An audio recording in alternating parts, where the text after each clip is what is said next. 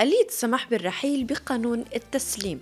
لأي أزمة بتصير معنا بترفعنا لمستوى الشجاعة.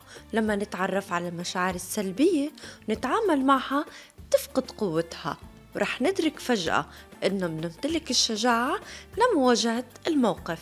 ونمتلك الشجاعة لتمييز مشاعرنا والقيام بشيء حيالها.